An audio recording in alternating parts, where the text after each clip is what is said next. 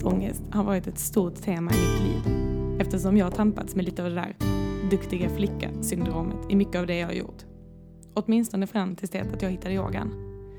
Så när jag träffade Charlotta och hon sa att hon är danscoach i tävlingsdans, en väldigt duktig sådan dessutom, som coachar sina dansare till stora mästerskap utan att ge varken sig själv eller sina dansare prestationsångest, så undrade jag hur i katten hon gjorde det.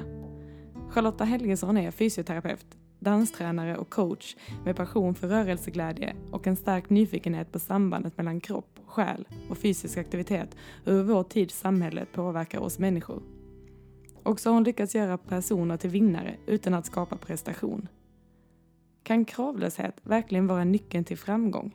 Är det först när vi släpper kontrollen som vi faktiskt får koll på läget? Kan det vara så att det är först när vi slutar sikta på perfektion som saker och ting faktiskt kan bli perfekta? Det blir några av dagens samtalsämnen med Charlotta Helgesson.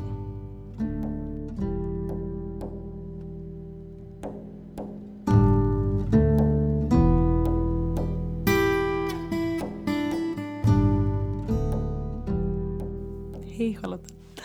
Hej Elin. Kan du bara börja med att prata vad du har gjort idag? Vad jag har gjort idag? Mm. Idag så har jag vaknat hemma, tog en liten sovmorgon, gick upp, drack lite kaffe, kände att det var väldigt varmt ute idag igen, som vi hade igår. Hade telefonmöte, blev väldigt glad av det här telefonmötet. Mm. Och sen så gick jag hit. Mm. Ja. Charlotta, du är ju en lite duktig på det här med eh, duktig på prestation. Det är ju fel att säga. Men du pratar väldigt bra om prestation och kravlöshet. Kan inte du reda ut det här för mig? Jo, det kan jag göra. Jag tror att vi eh, alla, både vuxna och barn, män och kvinnor i alla åldrar, upplever att det finns krav om att man ska prestera och kanske krav om hur man ska prestera. Och jag tror att, eh, jag tror att vi ställer krav på varandra. Kanske till och med du och jag här nu idag. Och ifrån hela vårt samhälle och ifrån skolan och vänner och familj och relationer, vänskaper. Så jag tror att prestation är någonting som finns runt omkring oss. Det är ingenting som vi kanske kan bli av med helt och hållet. Och det tror jag inte att vi vill heller för att det kan behövas för att ibland kanske kunna sporra varandra vidare eller för att kunna ta sig över hinder. Men när prestation blir huvuddelen i varför man gör någonting då kan det bli lite fel, tycker jag. Och jag tror att eh, egentligen, nyckeln till allting, det är att man kan lyckas med väldigt många saker. Och man kan åstadkomma väldigt många saker utan att prestation är eh, med nästan överhuvudtaget. Och det är det som jag eh, har provat mig fram och testat. Så jag vet faktiskt att det funkar. Mm. För du är eh, coach, eller hur? Eller tränare. Kan inte du berätta vad, vad det är du jobbar med? Mm. ehm, jag är ju fysioterapeut i grund och botten. Och man kan väl säga så här att jag gör många olika saker. Men det som knyter ihop vad jag gör det är ju att jag har ett väldigt, väldigt stort intresse för eh, våran kropp, våran själ och hur de två samarbetar. Och när jag gick min sjukgymnastutbildning då fick jag ju väldigt bra kunskap och verktyg om hur kroppen fungerar. Och sen har jag alltid hållit på med dans. Och där har jag ju fått en annan inblick i vad som faktiskt händer i alla fall min kropp när jag rör på mig. Och det är inte bara anatomi och muskler utan det är någonting helt annat på en helt annan emotionell och själslig nivå. Och därför älskar jag dans. Mm. Ehm, så förutom att jag är fysioterapeut så är jag även danslärare och danscoach. Och mestadels till eh, elever som håller på med tävlingsdans. Mm. Och det här prestationen kommer in. För för mig klingar, klingar det här med så otroligt mycket prestation. Men du verkar ha eh, liksom eh, knäckt eh, koden till att lyckas genom att ta bort prestationen? Eller?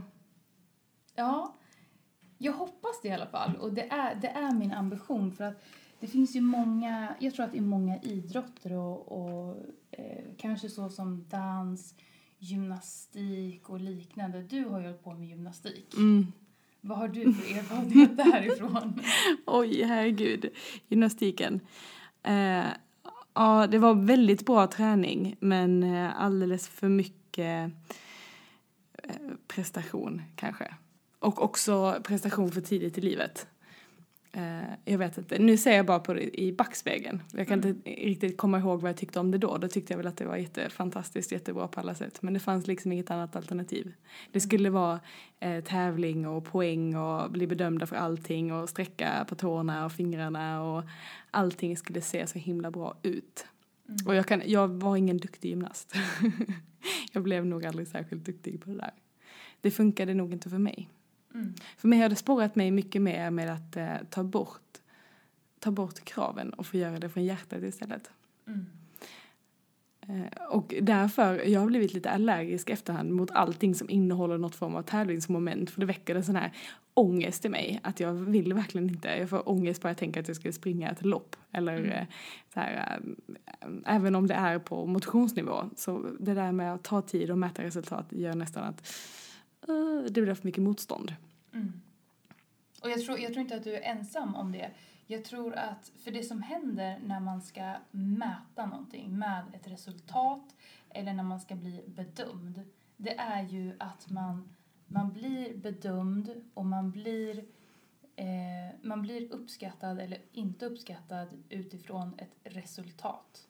Inte utifrån processen, inte utifrån vad du upplevde, inte utifrån vad du kände eller vad faktiskt innebörden var för dig av att utföra den här uppgiften, utan bara av resultatet. Och resultatet, för mig är resultatet 1% av 100%. De här andra 99% det är ju ett lärande, det är ett skapande oavsett om det handlar om att sp- springa ett lopp eller om det är att skapa en dans.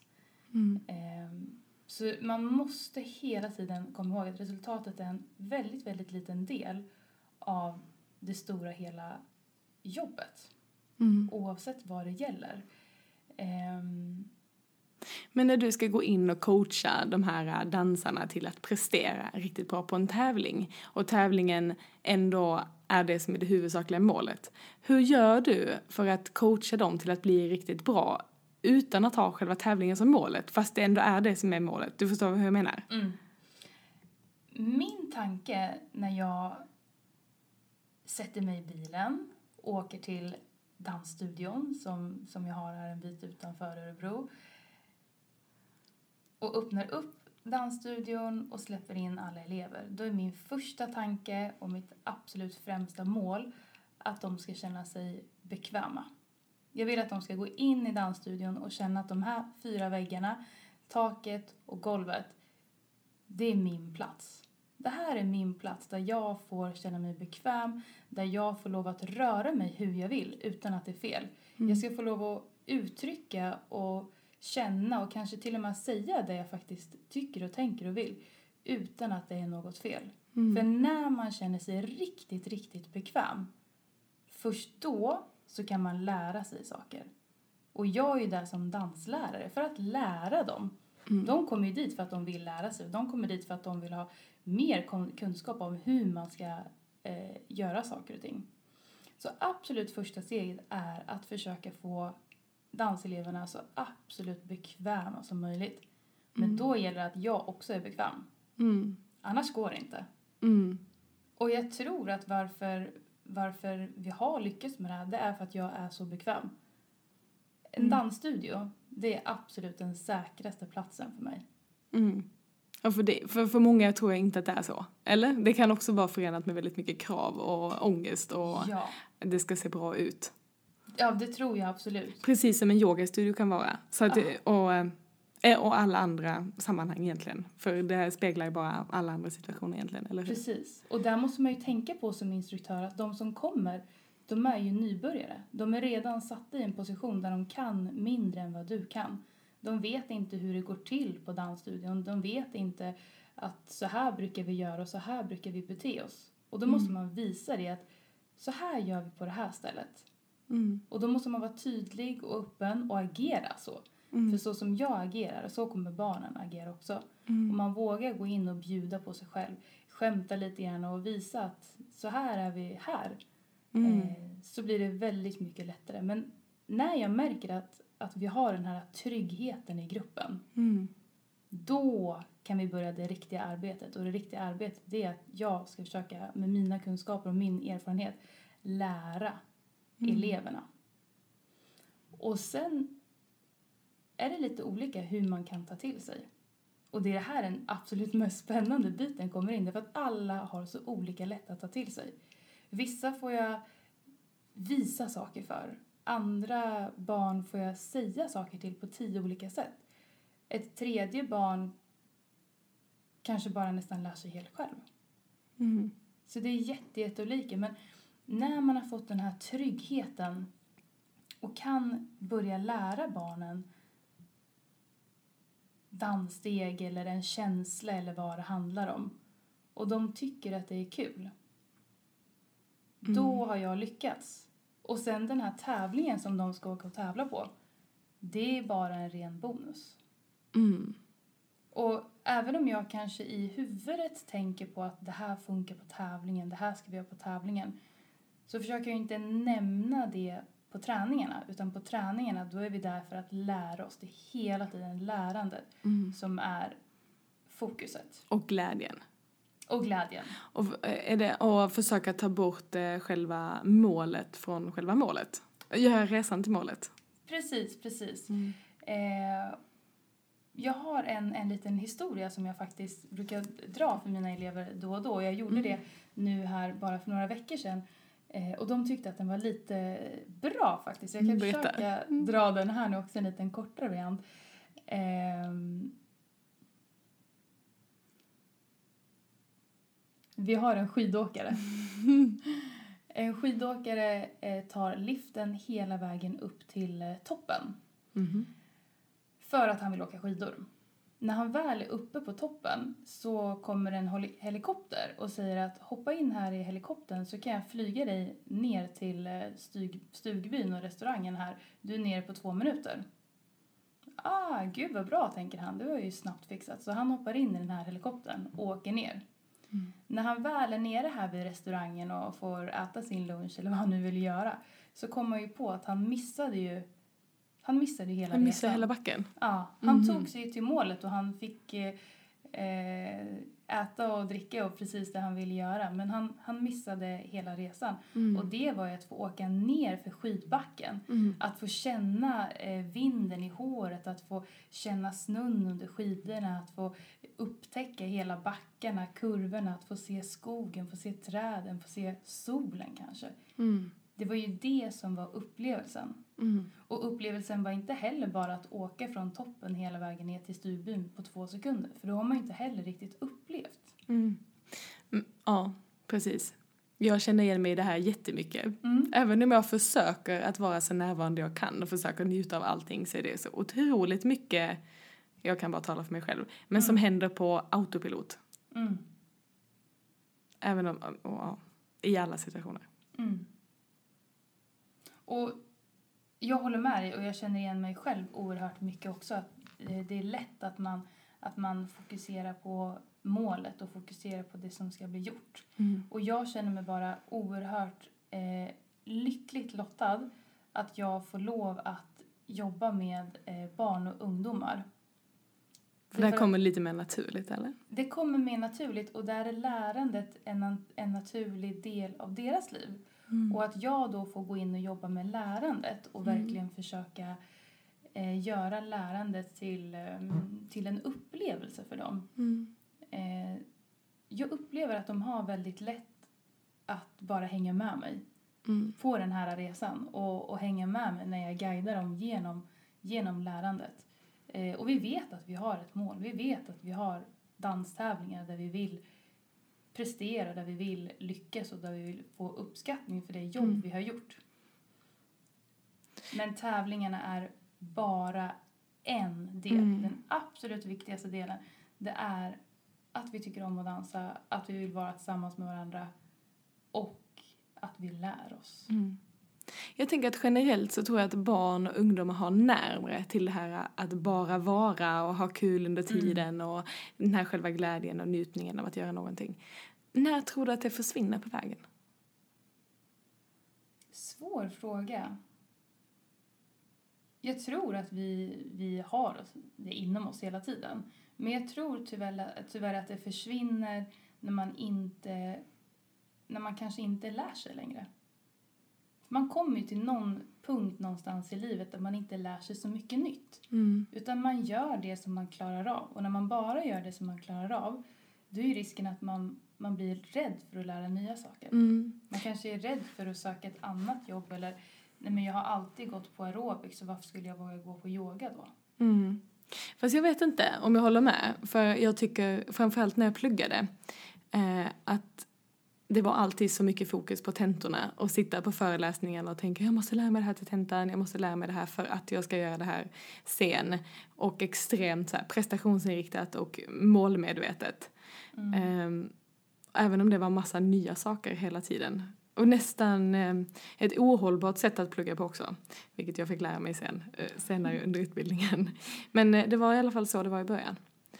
Ehm, Jag, jag tror att att det tar bort själva glädjen också från att läsa någonting som jag med flera verkligen ville läsa. Mm. Och, och där tror jag att, vad får man lära sig när man börjar på universitetet? Jo, det första de säger på uppropet, det är att eh, man ska ha 75% för att klara tentorna. Varje kurs avslutas med en tenta. Eh, eller varje kurs avslutas med ett seminarium. För att gå vidare till år två så måste Mm. du klara av tenta ett. Mm. Jag förstår att det måste vara så för att vi Mm. ska ha ett, eh, något form av hållbart utbildningssystem. Men man blir ju tillsagd hela tiden att det är resultatet som räknas och att det är den här eh, enprocenten. Det är, den Mm. som, det är ingen som pratar om att under tiden när ni går kursen, så när ni lär er det här, försök att ta tillvara på det här. Mm. Försök att lära er på det här sättet. Det här sammanhanget ska man lära sig för att kunna förstå den här mekanismen. Mm. Det är inte så mycket sånt prat utan och jag vet ju under utbildningen också, man satt ju där på föreläsare och frågade kommer det här på tentan? Mm. Om det inte kom på tentan, nej men Nej, då kanske man då läste man inte det. Och det är så synd att det är så, för det tar bort den där själva glädjen och inspirationen och motivationen, för Mm. mig i alla fall. Och jag, jag kan bli lite mörkrädd när jag tänker att man har betyg, man ska gå ner och ha betyg ännu tidigare, och vi bedömer allting, vi har betyg i alla ämnen Mm. och eh, allting är så fokuserat på resultat och prestation. Mm. Det är lätt att vi hamnar där. Jag, jag tror att en del ehm, som jag tror är viktig och som jag tror kanske att, eh, att jag gör annorlunda med mina danselever framför allt som jag coachar. Ehm, och det är ju så att jag coachar inte dem bara i dansen, jag coachar ju dem genom livet för att Mm. de är så, dansen är så stor del av deras liv. Och när de känner sig trygga så öppnar de oftast upp med mycket annat också. Mm. Min absolut viktigaste ehm, mening egentligen Mm. med att vara en coach, som jag säger till dem väldigt, väldigt ofta också, det är att vi håller ihop i både framgång och i motgång. Mm. I framgång, då håller jag mig i bakgrunden. Då står jag och applåderar och låter dig njuta av dina framgångar och jag säger alltid fira allt vad du kan. För vi Mm. vet inte när det här händer nästa gång. I framgången, då finns jag där bara i bakgrunden och bara applåderar och låter dem njuta. Men däremot i motgången, det är då mitt arbete som coach kommer in. Mm. Det är då vi ska stå där tillsammans. Och jag säger alltid att vi vinner tillsammans, för det är ett teamwork, det som vi gör. Och vi förlorar tillsammans. Mm. När en dansare har förlorat en tävling eller är missnöjd med en tävling, då är det lika mycket på mitt ansvar som på dansarens ansvar. Mm. För att vi gör det här tillsammans. Och det har jag upplevt att eh, andra tränare och andra coacher kanske inte är lika, lika benägna att göra. För alla vill finnas där i framgång. Ja, jag tänker att det inte bara är där utan i alla sammanhang överhuvudtaget. Jag tror det, jag Åh, vi ska det. fira, vi ska fira allting som går bra. Ja. Och Ja. gärna att man kanske vill ta en del av det som är bra och väldigt Absolut. gärna vara med där och finnas när det går bra. Ja. Men det är inte lika många som vill finnas där i motgång.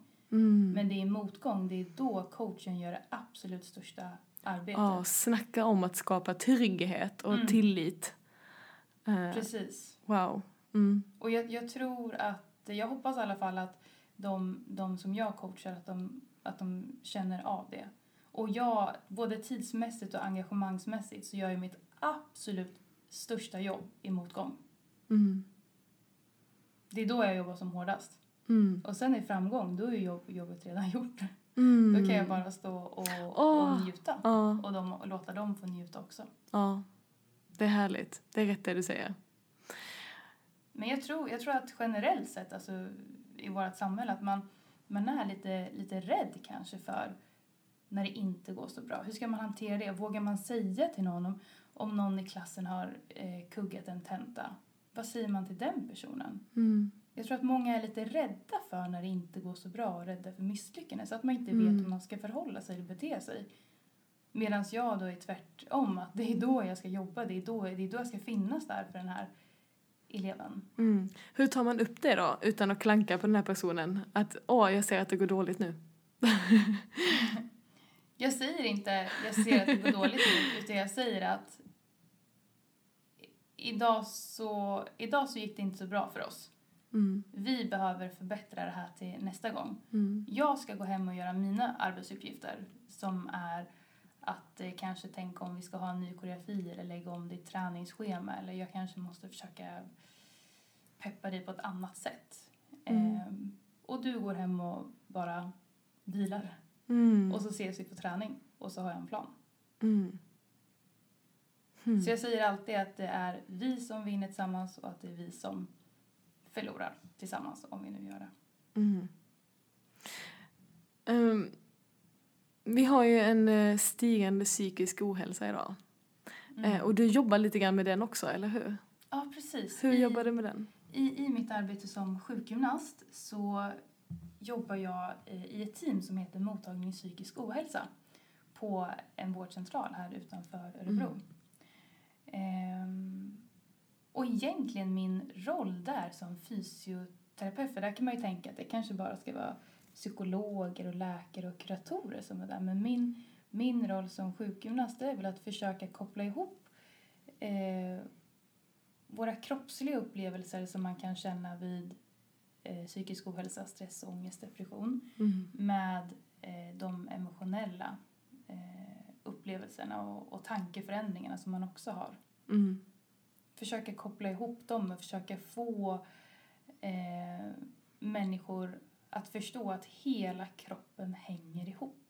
Mm. Vi kan inte separera. Jag vet att vi i sjukvården säger att eh, har du ont i knät då får du söka en ortoped.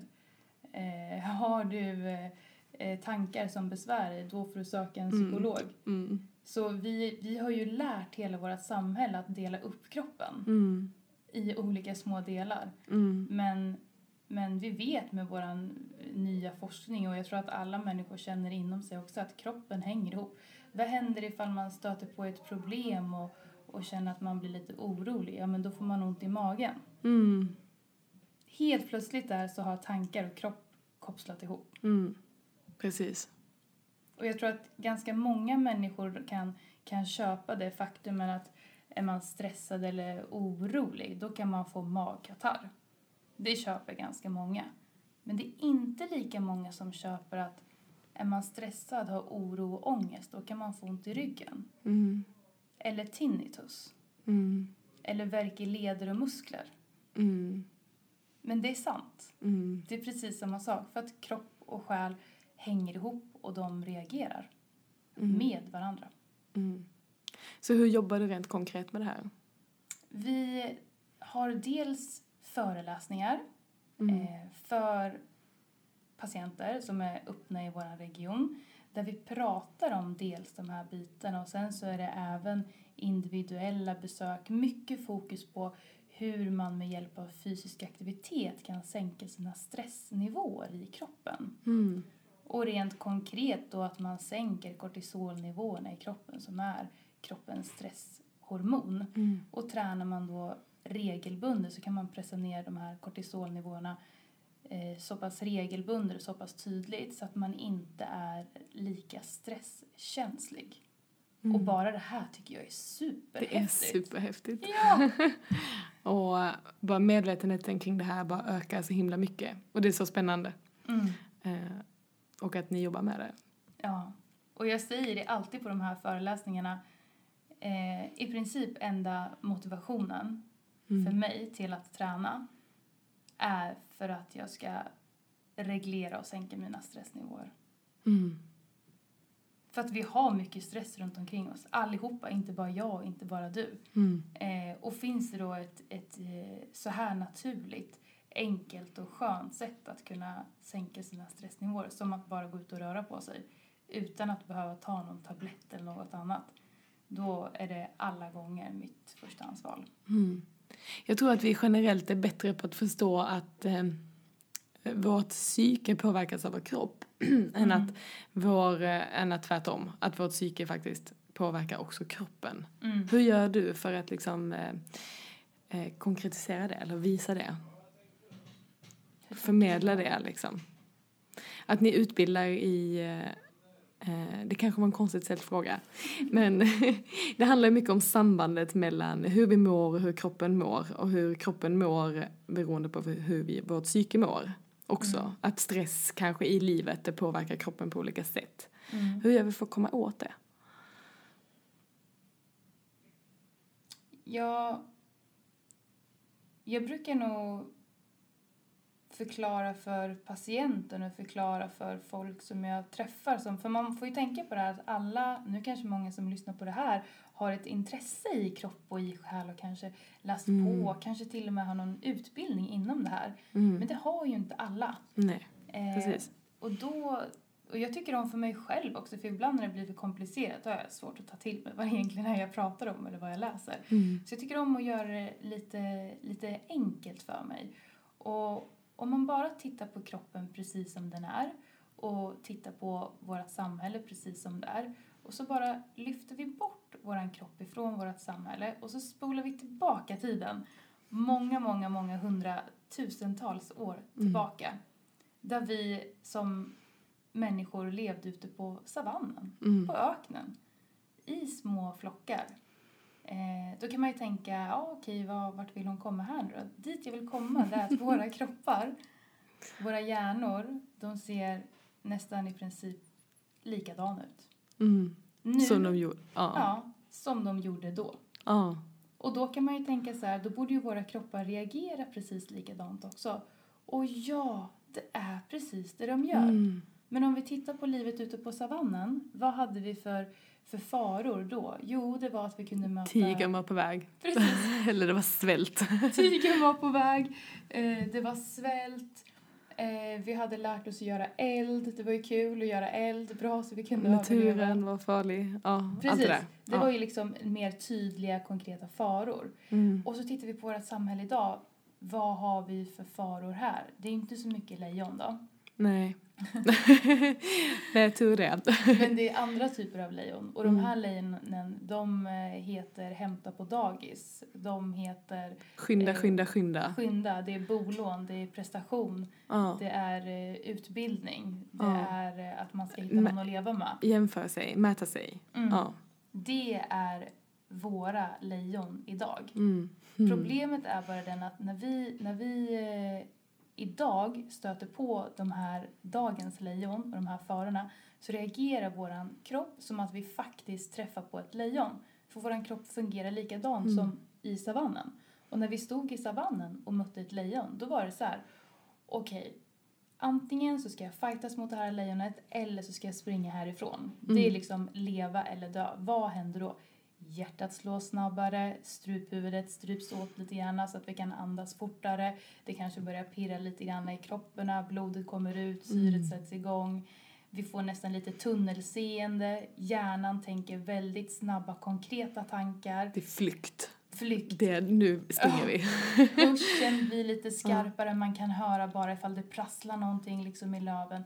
Mm. Allting ställs på sin spets. Och Mm. det här var ju ett, ett eh, skyddssystem för att vi skulle kunna överleva. Mm. Hade det inte hänt, hade vi stått där och funderat på att jaha, oj, undrar vad det här lejonet vill. Jag kanske borde gå tillbaka här till elden och se efter om min familj, jag vet inte, jag kanske ska stå kvar. Nej, men då hade vi varit döda. Mm. Och då hade inte vår människoart funnits här idag. Mm. Så det här var ett överlevnadssystem. Mm. Problemet i dagens samhälle är att vi fortfarande har med oss det här överlevnadssystemet. Mm. Och överlevnadssystemet sätts igång och reagerar när vi tänker på bolånehöjningar. Mm. Eller när vi tänker på deklarationer Mm. som ska in. Eller prestation som ska hända. Och det kanske finns för många lejon idag. ja, Eller? det är det. Det tror jag. Ja. Och eh, den stora risken eh, när, när, det, när vi står i en flock av lejon hela tiden och vi vet inte var vi ska ta vägen helt enkelt. Mm. Och då, då händer det här samma sak igen.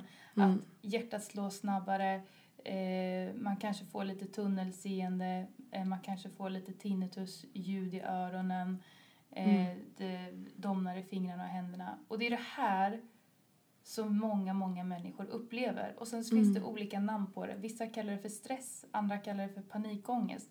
Alla, vissa andra kallar det för eh, attacker. Ja, och beroende på vilka symptom det ger i kroppen. Ja. Vad, vad vi eh, känner. För Mm. en del kanske det manifesteras i, i värk, i leder Ja, till exempel. precis. Eller i uttalad trötthet. Mm. Eller i depression. Mm. Jag, jag brukar tänka för min egen del när jag får såna här reaktioner. Framförallt kanske i samband med stress, ångest eller oro. Mm. Då brukar jag tänka, aha, vänta, just det, det är det här som händer i kroppen. Min hjärna tror att det är ett lejon. Men gud vad bra, min kropp fungerar, den gör precis som den ska. Mm. Så då tänker jag att jag bara Mm. testkör kroppen. Ah, Och att den faktiskt fungerar! Precis som den ska. Precis, lite så här, tack kroppen, vad bra att du fungerar. Tack. Vet du vad, jag förstår din tanke, men lite fel reaktion. Men vad bra, jag vet att du fungerar. Mm. Och då kan jag lugna mig med den tanken.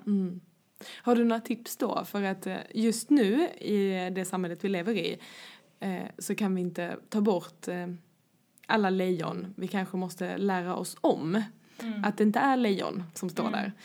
Hur gör vi det? För mig är det nog genom det här sättet. Att förstå sig på sin egen kropp. Mm. Att förstå sig på vad som händer. För att ofta när jag sitter och, och förklarar det här med, med mina patienter, då kan vi sitta och prata om det här en timme. Mm. Eh, och till slut så faller det ner. Att, för det finns så mycket rädsla. Nej, men, och så frågar de mig, nej men Charlotta, och jag har ont här i armbågen. Och, och så känns det så här i hjärtat och så känns det så här i magen. Och vad är det här för någonting? Mm. Men när man bara kan få en förklaring på att det, det är det här som händer. Kroppen sitter ihop. Det här är bara reaktioner. Mm. Och det är inget fel på de reaktionerna. Din kropp gör precis som den ska göra. Bara där tror jag att man kan hitta en liten acceptans mot sin kropp. Mm. Var inte fiende med din kropp. Mm. Och kom tillbaka till det som är roligt. Ja, Mm. faktiskt. Men hur gör man då om man är fast i det här träsket då? För att vi tror att vi måste prestera så himla mycket och vi tror att vi måste göra så himla mycket men det känns som att vi står och stampar i fel hjulspår för vi, och vi kommer inte framåt där. Men det, vi, vi fokuserar på fel saker. Så hur gör man för att skifta sitt fokus då till det som faktiskt är roligt? Jag tror att det är lite den nyckeln du har knäckt i danscoachingen, att fokusera på det roliga. Men hur kan vi applicera det i livet? Jag Eller är det ju- just det som är nyckeln? Att fokusera på det roliga, helt enkelt. Jag tror, jag vet inte. Jag har ju, det här är helt och hållet bara min, eh, mitt personligt så som jag tycker och, och tänker om livet. Ifall man gör det man tycker är kul Mm. så kommer man till slut bli duktig på det. Mm. Och om man tycker att något är kul, om man blir duktig på det, så kommer man kunna tillföra någonting. Mm. Och när man kan tillföra någonting så tror jag att de flesta människor känner sig tillfredsställda och nöjda med livet. Mm. Och det är här jag tror att yoga är så himla bra. Ja! För yoga lär oss att känna efter det där. ja. Men det är ju bara min sanning. ja. Och jag, jag svär på att du har hittat det här genom dansen. det, Jag ska säga att det är häftigt för att jag har liksom experimenterat lite grann med det här. För några Mm. år sedan så jobbade jag inte så här.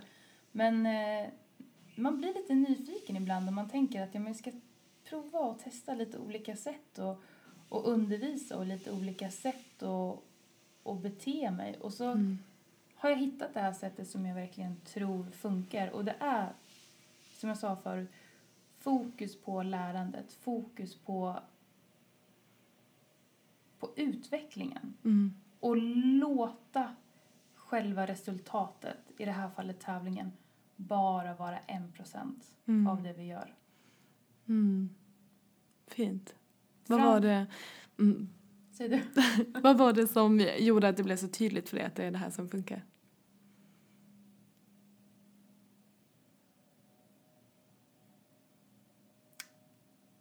Helt Mm. ärligt så tror jag för att jag märkte att jag mår bra av det här. Mm. När jag märkte att jag älskar det här stället. Jag vill gå tillbaka hit hela tiden. Mm. Och, och det här som, som vi har tillsammans, den här eh, dansgruppen, det är helt magiskt. Och när jag kände att jag mår bra av det här, Mm. då tänkte jag att oj, om jag mår bra av det här, då måste nog de också må bra av det. Mm. Och resultaten blir bättre. Och resultaten blev bättre. Och det blir inte så himla allvarligt om det skulle gå bra eller om det inte skulle gå bra. Mm. Vi skrattar precis lika mycket om det gått bra som om det inte gått bra. Mm. Om det gått bra då applåderar vi och firar och tjoar och tjimmar allt vad vi kan. För jag säger det, Mm. när det finns någonting att fira, fira allt vad ni kan. Mm. När det inte går bra, ja men då firar, Firar vi ändå också. så blir allting en Det är, fest. liksom inte, det är Mm. inte hela världen. Vi tar Och- tillbaka fokus till nu. Ja, och Mm. även om det inte gått bra för, för mig själv så kanske jag kan hitta att fira för någon annan. Mm. Och är man ett team, Mm. då kan man göra det. Mm. Då tävlar man inte mo- mot varandra utan man är medtävlande istället. Precis. Ja. Och allting handlar om var vi lägger vårt fokus. Ja. Det här är så himla... Ah, ja. Ja, Jag tror att det är en, en nyckeln till flow, eller hur? När vi kommer i det här Ja. state att vi bara vill ännu mer. Och, ja. Jag, jag kan dra en parallell till Mm. när jag pluggade faktiskt. Mm. Eh, för att eh, det var någon termin i början av utbildningen när jag bara kände nej. Jag, jag gör inte det här mer. Jag hoppar av. Pappa, jag vill inte mer. Mm. Eh, och han gav mig tipset så här, men sluta plugga då. Mm. Och, jag kände på det ett litet tag och, och slutade plugga helt och hållet. Mm. Och det gick inte så himla bra. Och jag tänkte, det gör ingenting för jag ska ändå hoppa av. Mm. Men sen kom ändå den där inre motivationen till att det är ju ändå det här jag vill. Ja. Fast kan jag lägga mig på en annan nivå eller bara plugga när jag vill plugga? Mm. Och då blev det att två timmars plugg blev lika effektivt som en dags plugg. Mm. För att det hände i flow, det hände när min kropp ville, det hände när jag ville, det hände när jag var redo, när jag hade energi för att plugga. Mm. Och jag kunde lägga annan tid på att träna eller vara med kompisar eller andra saker som var roligt. Och det blev så mycket enklare. Mm. Och då klarar jag ju tentorna. Eller då klarar jag ju... Men det var, det, var på, det var på ditt Ja, initiativ. Det var Ja. du som ville. Du hade inte blivit tillsagd av någon annan. precis. Eller jo, på sätt och vis, men att eh, målet blev någonting annat. Ja. Eller tog bort, att ta bort eh, det där tvånget. Mm. Eh, Precis. mm. Jag ska dela med mig av en liten sak. Det här är inte så mycket med coachingen eller dansen att göra utan det här är mer... Jag kommer faktiskt inte ihåg vem som har sagt det här till mig men det är fantastiskt bra. Och det är att skillnaden mellan perfekt och mycket bra Mm. är väldigt, väldigt, väldigt liten. Om man tänker att man ska utföra någonting, precis vad som helst. Skillnaden mellan om jag utför det helt perfekt eller mycket bra. Någon annan utifrån, du skulle inte kunna se om jag skulle utföra eh, den här uppgiften perfekt eller mycket bra. Mm. För när jag utför någonting perfekt, det handlar egentligen bara om min egen känsla. Mm. Din egen upplevelse. Mm. Men att våga lägga sig på mycket bra-nivån Mm. Utifrån så kommer säkert knappt någon ens märka att du har gått ner en nivå till mycket bra. Mm. För att resultatet är så snarlikt. Så Mm. resultatet är nästan precis samma. Och skillnaden kommer bli att, att du själv inombords kan släppa det här äh, yttersta, kan släppa det, kan tillåta dig själv att Mm. gå ner en liten, liten nivå. Mm. Och när man, när man lyckas göra det här Det kan vara i alla uppgifter. Det kan vara vad man ska laga för middag ikväll.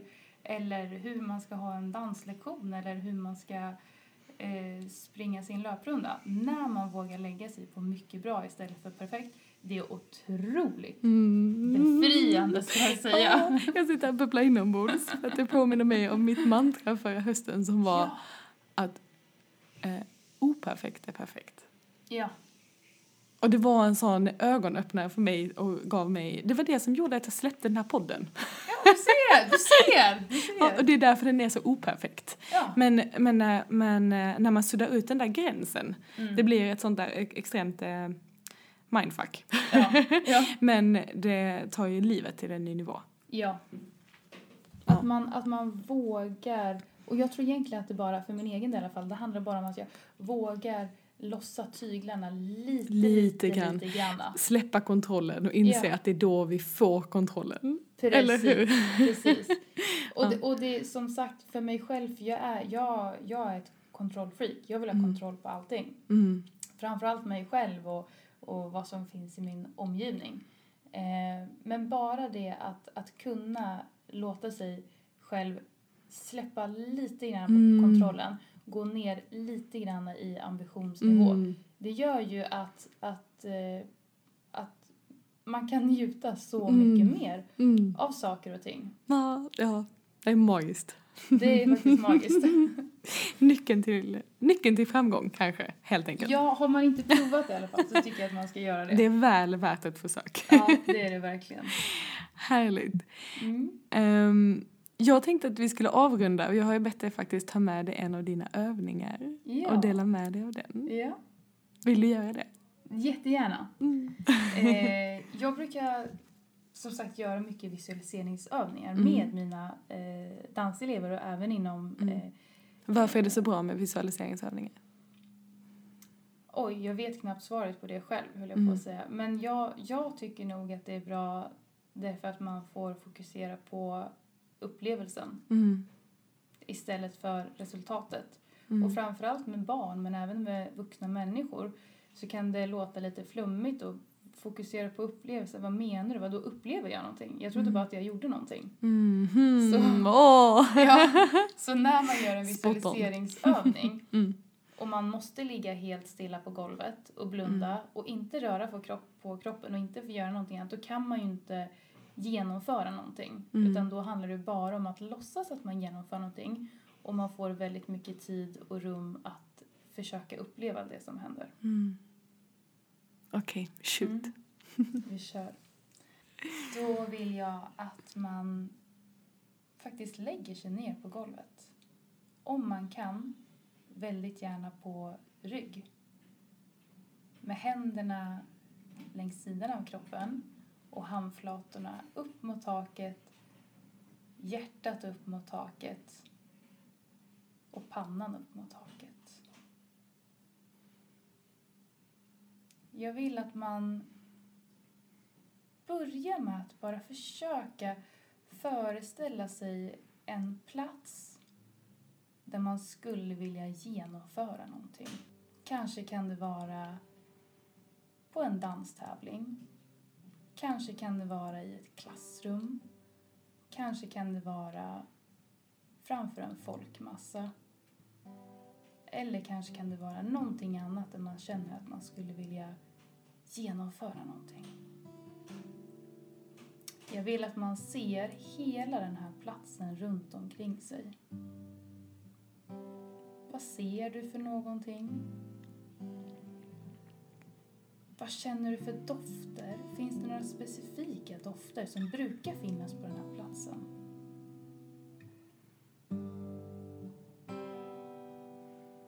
Vad känner man? Är det varmt? Är det kallt?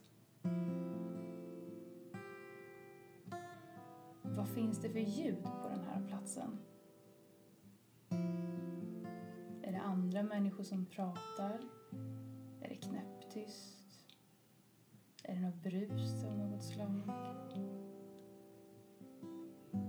Ser du några andra människor på den här platsen? Och i så fall vilka? Försök att identifiera dem oavsett om det är några som får dig att känna dig harmonisk eller om det är några som får dig att känna dig nervös eller arg.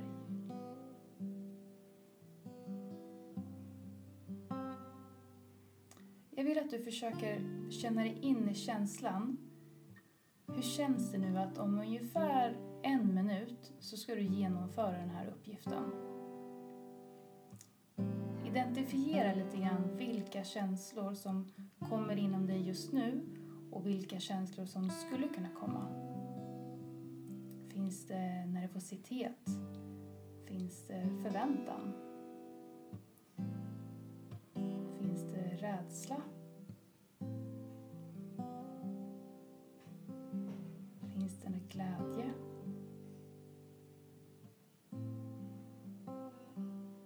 Ihåg att alla känslor som vi känner det är ju bara ett tecken på att kroppen fungerar precis som den ska.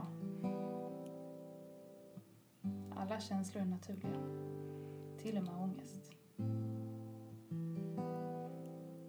Nu tar vi ett djupt andetag här. Nu kanske man till och med känner lite nervositet i kroppen. Och nu vill jag att vi ser framför oss att vi utför den här uppgiften i den här miljön.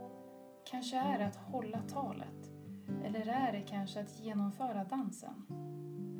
Och när vi ser oss själva genomföra den här uppgiften så vill jag verkligen att vi ser oss själva stå där, raka i ryggen, med fötterna tydligt på jorden. Med ett stort, stort, stolt leende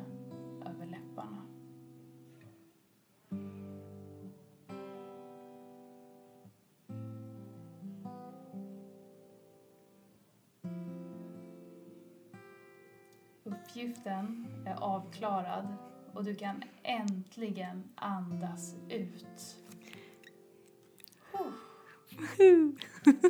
Känn den här äh, stoltheten inom dig. Och känn det här leendet över läpparna. Och känn vilken skön känsla det var.